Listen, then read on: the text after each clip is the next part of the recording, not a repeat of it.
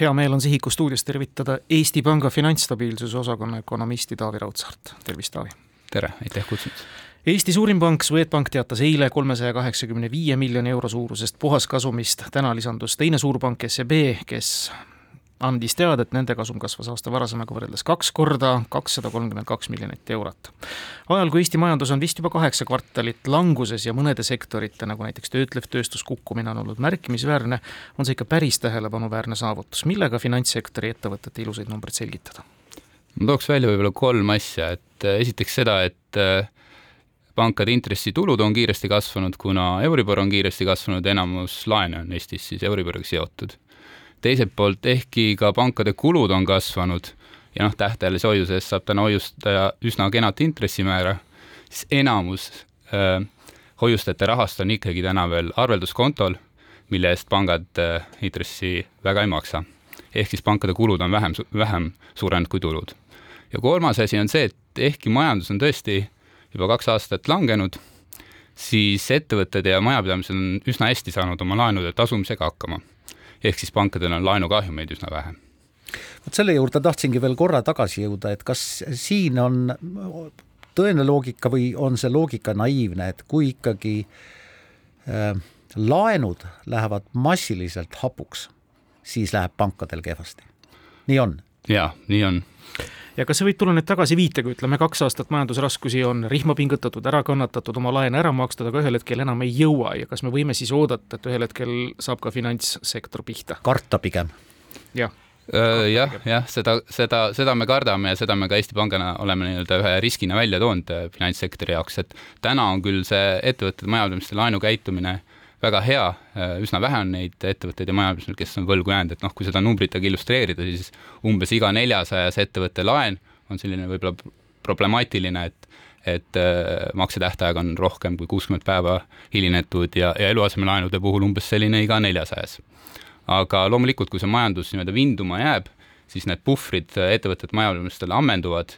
noh näiteks kui tööpuudus hakkab kasvama, see on selline põhiline mõjutaja just majapidamiste puhul et siis, siis tõenäoliselt need äh,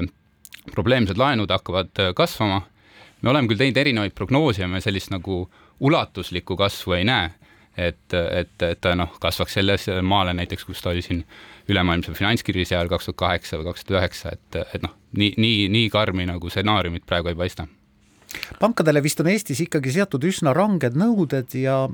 ma julgen väita, et pangad on mõnest teisest sektorist ka kriisidele oluliselt paremini vastu pidanud, on mul õigus? jah, nii on, need nõuded on karmimad ja noh, see on ka selles mõttes õigustatud, et et, et ka keerulisel ajal hoiustajate raha oleks kaitstud ja teiselt poolt siis ka seda, et ka keerulisel ajal, kui noh, tõesti pankadel tekivad laenukahjumid, nad peavad hakkama nendega tegelema, võib-olla leidma uut raha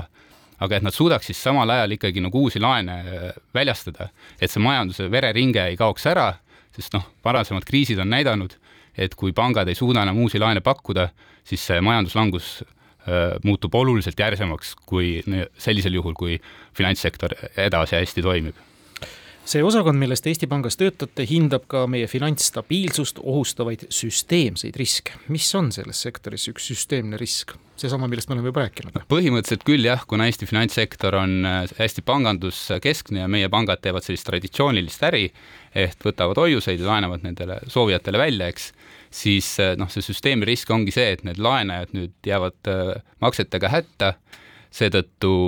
pangad jäävad hätta, nad ei saa enam uusi laene väljastada ja, ja noh, siis see toob kaasa juba sellise suurema probleemi majanduses ja heaolu languse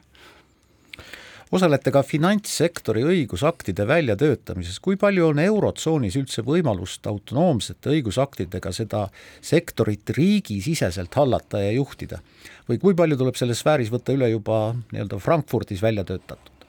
jah, see on tõsi, et noh, päris palju regulatsioone ja nõudeid on sellised Euroopa-ülesed. Noh, ka näiteks miinimumnõuded pankade omakapitalile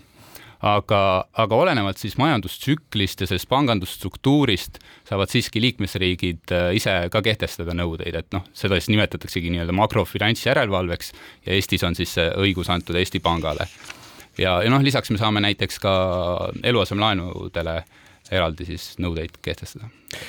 ja peate seda kõike ka ju hindama, kuidas on ettevõtete majapidamiste rahastamine meil korraldatud eh, pankade poolt ja pankade laenutegevus, on ta siis meie suuremate pankade puhul piisavalt konservatiivne ja noh, selles mõttes, et laenu taotlev inimene või ettevõte valgustatakse ikka piisava rangusega läbi?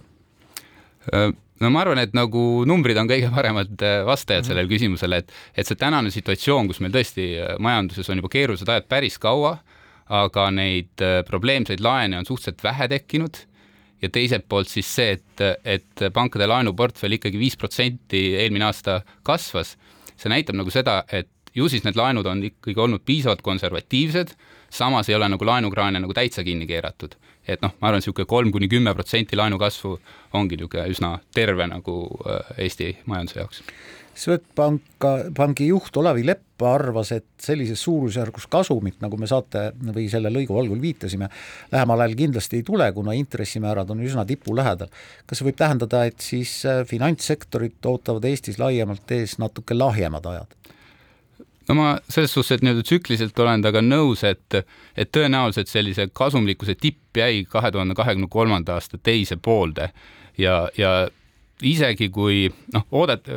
turuosalised ootavad, et Euribor langeb, aga isegi kui ta väga palju ei lange, siis tõenäoliselt äh, edaspidi intressikulud siis pankade jaoks tõusevad rohkem intressitulud ja pankade kasum mõnevõrra alaneb. aga noh, selge on ka see, et Eestis pangandusturg on üsna väike, meil on konkurents madal, nii et äh, ma ei näe nagu siin suuri muutusi, ma arvan, et panganduse äri jääb endiselt üsna kasumlikuks Eestis. Kas selle makromajandusliku nii-öelda finantsülevaate eest, mis on Eesti Pangale ülesandeks seatud, kas sinna ülesannete hulka kuulub ka nii-öelda kuidas ma ütlen siis, pankade käitumise jälgimine, sellesama uudise valguses, ega loomulikult paljud kadedad tõusid püsti, ütlesid, et pool kasumist riigi, riigieelarvesse, mille peale siis pank üsna konservatiivselt vastas, no mis ta siis iganes vastas. ehk siis see käitumismudel, kui ütleme, riik tahab liiga palju pangalt saada ja pank ajab kuidagimoodi sõrad vastu ja noh, ütleme omavaheline kommunikatiivne suhtlus